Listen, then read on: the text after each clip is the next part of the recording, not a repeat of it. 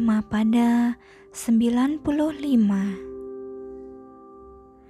Tak terhalangi seperti bumi Berbudi ibarat gapura kota Laksana danau tak berlumpur.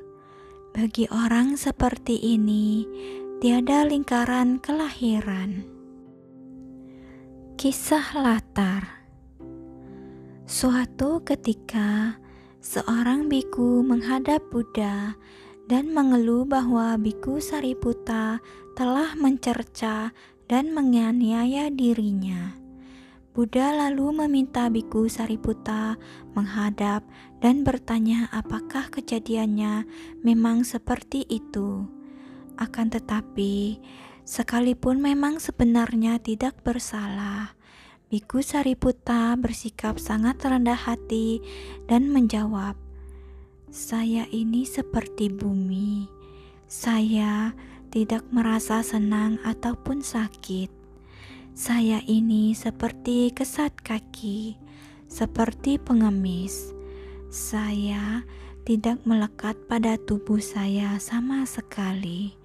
Bagaimana mungkin saya tidak mau meminta maaf kepada sesama biku atas kesalahan saya?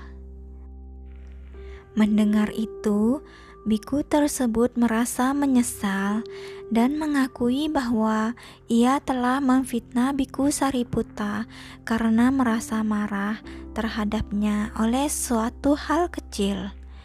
Biku itu lalu memohon maaf dari Biku Sariputa. Buddha meminta Biku Sariputa menerima permintaan maaf itu. Biku Sariputa memaafkan biku tersebut dan juga meminta maaf seandainya ia telah melakukan kesalahan apa pun juga. Buddha lalu melantunkan ayat 95 ini tak terhalangi seperti bumi, berbudi ibarat gapura kota, laksana danau tak berlumpur. Bagi orang seperti ini, tiada lingkaran kelahiran.